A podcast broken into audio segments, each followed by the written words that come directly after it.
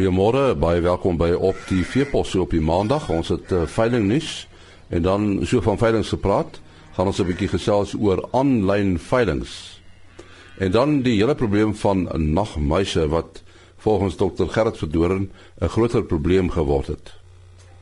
Ons uh, gesels met uh, Gert Kotse van Vleis Sentraal, uh, Vleis Sentraal Bloemfontein en ons gaan met hom praat oor aanlyn veilings. Dis nou 'n uh, nuwe woord in die veilingwêreld aanlyn. Is dit iets wat uh, meer gaan toeneem uh, Gert? En ja, ek dink op hierdie stadium uh, uh, is dit die toekoms. Dit maak dit baie makliker vir boere om in die gemak van hulle eie huis uh aankope te doen op op die internetstelsel. Maar as mens nou aan 'n veiling dink tradisioneel, dis mos mos maar 'n plek waar mense in 'n sekere sin opgesweep word. Gebeur dit nie ook met 'n aanlyn veiling nie? Ja, aanlyn veiling, uh ek sal nie sê dit word uh, is regtig soos 'n tradisionele veiling nie. Uh my indruk is die die opsweepery vir die tradisionele veiling sal eintlik word vervang kan word deur die in, uh, internet veilings nie, maar ek meen al die inligting is tot hulle beskikking om markverwante pryse te betaal op die internet veiling.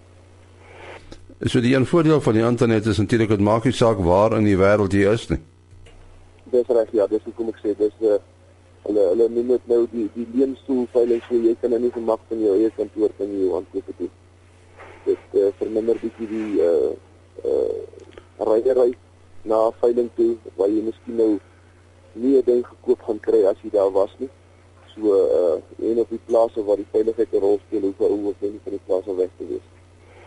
Dis seker uh, ook 'n goedkoop uh goed, goedkoper manier om 'n veiling aan te bied.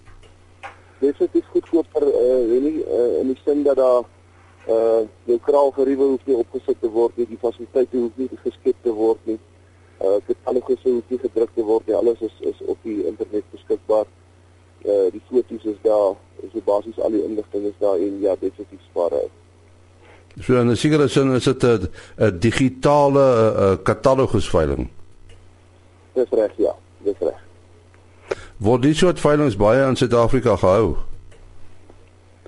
Stadium sal ek uh, nie sê so baie nie, maar dit is definitief van die toeneem. Uh op hierdie stadium word die, daar wel in Junie veilinge aangebied. Uh en ook woordveilinge, daar word steenkaal veilinge aangebied. So dis definitief van die toeneem, maar op hierdie stadium nie so baie. En uh oor hoe lank periode duur so 'n veiling? Op hierdie stadium loop hy 'n week, van hulle kan 'n dag lank wees. So dit hang nou maar af uh, hoeveel diere aangebied word en hoeveel inligting uh, uh verkry moet word deur die voornemende kopers. Uh so dit dit speel maar 'n rol, maar enige iets van 1 dag tot 7 dae. Nou wat is die oorwegings waarom iemand nou 'n aanlyn veiling sou wou laat uh, plaasvind eerder as 'n tradisionele veiling? Die groot ding is die uh, aanlyn veilings is maar meer toegespits op die uh, stoet stoetvee en dan ook die wild waar 'n ou in elk geval net die katalogus inligting 'n groot rol speel en as 'n ou daai inligting tot die beskikking het uh dink ek dis 'n makliker opsie. Dis minder stres op die diere. Ek neem nie die diere aan te ry en daai tipe goed nie. En dan die ander ding, jy kan die diere wat nie verkoop is, bly op die plaas. So dit die net die diere wat verkoop is word verwyder. Hoe hoe gaan 'n boer te werk as hy so 'n veiling wil aanbied? Die inligting wat ons benodig, die inligting word getrek by stamboek of by jou rasgenootskap van die diere wat aangebied word en dan wat jy uh, moet verskaf is fotos, uh, goeie fotos wat wat die dier kan tentoonstel uh en en dis maar basies dit. En daarvan af die reservepryse is op die uh, webblad of op die uh, aanlyn veiling is beskikbaar. Die ouens wat teen jou bi is beskikbaar so daar's nie uh uh onwettighede en al daai tipe goed betrokke. En hoe lank voor die tyd is die is die fotos te sien op die internet? Dit hang nou maar af uh, van van verkoper tot verkoper, maar plus minus 'n maand. 30 dae voor die veiling is al reeds beskikbaar in die katalogus. En hoeveel fotos moet 'n mens beskikbaar hê? Ou kan een foto hê of jy kan meer fotos hê. Dit is goed om om uh, veral bulle uh, van vooraf en van agteraf en op te sit. Uh, maar die meeste van die ouens sit net een foto op baie van die maak in elk geval 'n draai by die by die verkoper op die plaas om die fisiese diere te besigtig. Uh so dan dan weet hulle hoe lyk die diere. So daar word 'n bepaalde dier tentoongestel en dan word 'n prys aangevra en uh ou moet maar intik op sy rekenaar wat wat 'n verbeterde prys is. Is dit hoe dit werk? Die, die reserveprys word opgesit op die uh uh aanlyn veiling en dan daarvan af uh, daar word nie onderhandel na die tyd ja as 'n ou die dan dan weet hy kry die bees. So daar's geen onderhandeling na die tyd. So hulle bin nie teen mekaar nie. Hulle bin wel teen mekaar.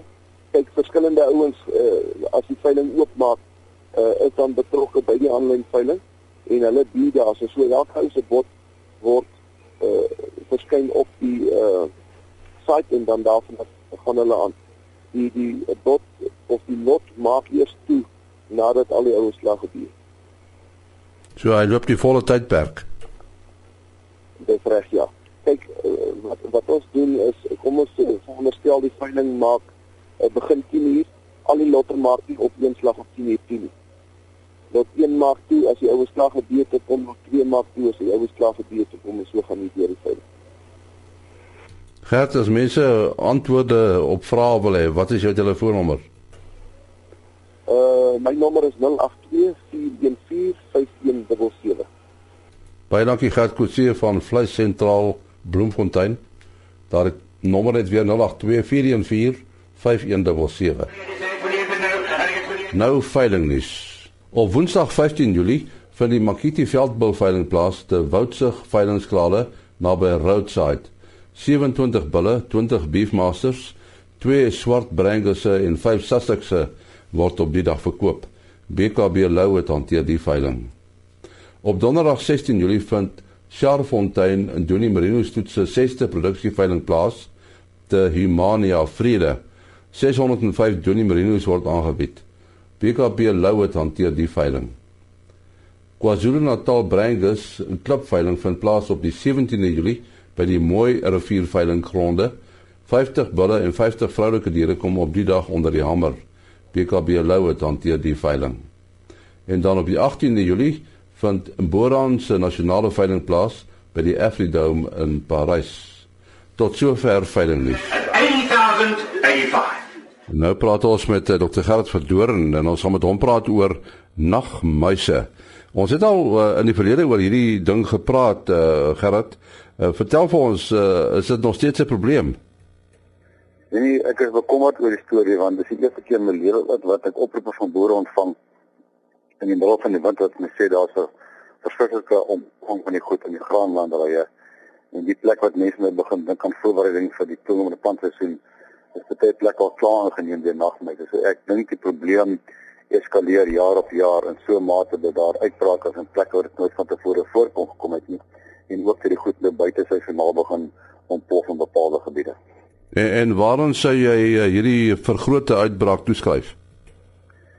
Nee, ek daar's 'n klomp vingerwysings na klimaatsverandering. Met ander woorde, die seisoene wat langer uitgereik raak. Met ander woorde, ons somers begin later en nou langer aan. Ons winters raak warmer en al daai dinge help die nagmeis so makliker te kan oorleef.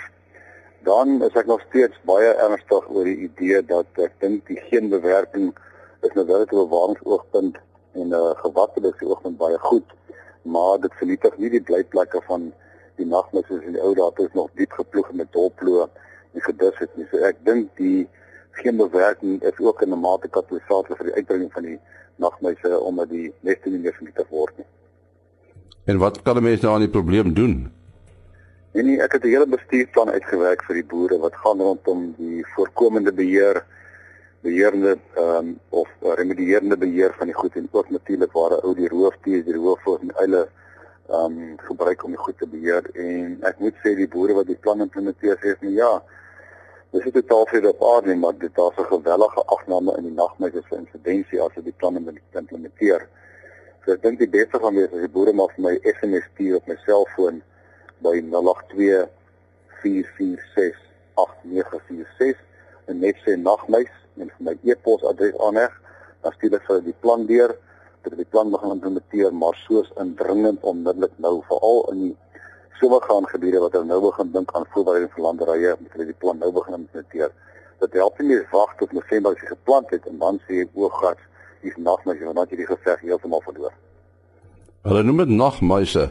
Is dit 'n muis?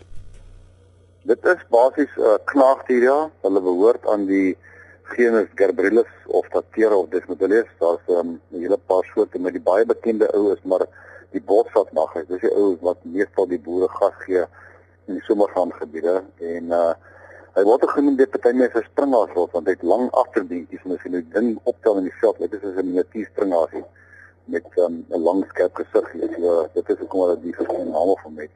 En ja, hulle is wel in die nag baie aktief, maar in die vroeë oggend laatmiddag ook. Dis dan dan dan jy daai tye wat die roofvoëls en die uile vir hulle goed pak slaag gee. So jy glo nogal sterk aan uh, roofvoëls en uile.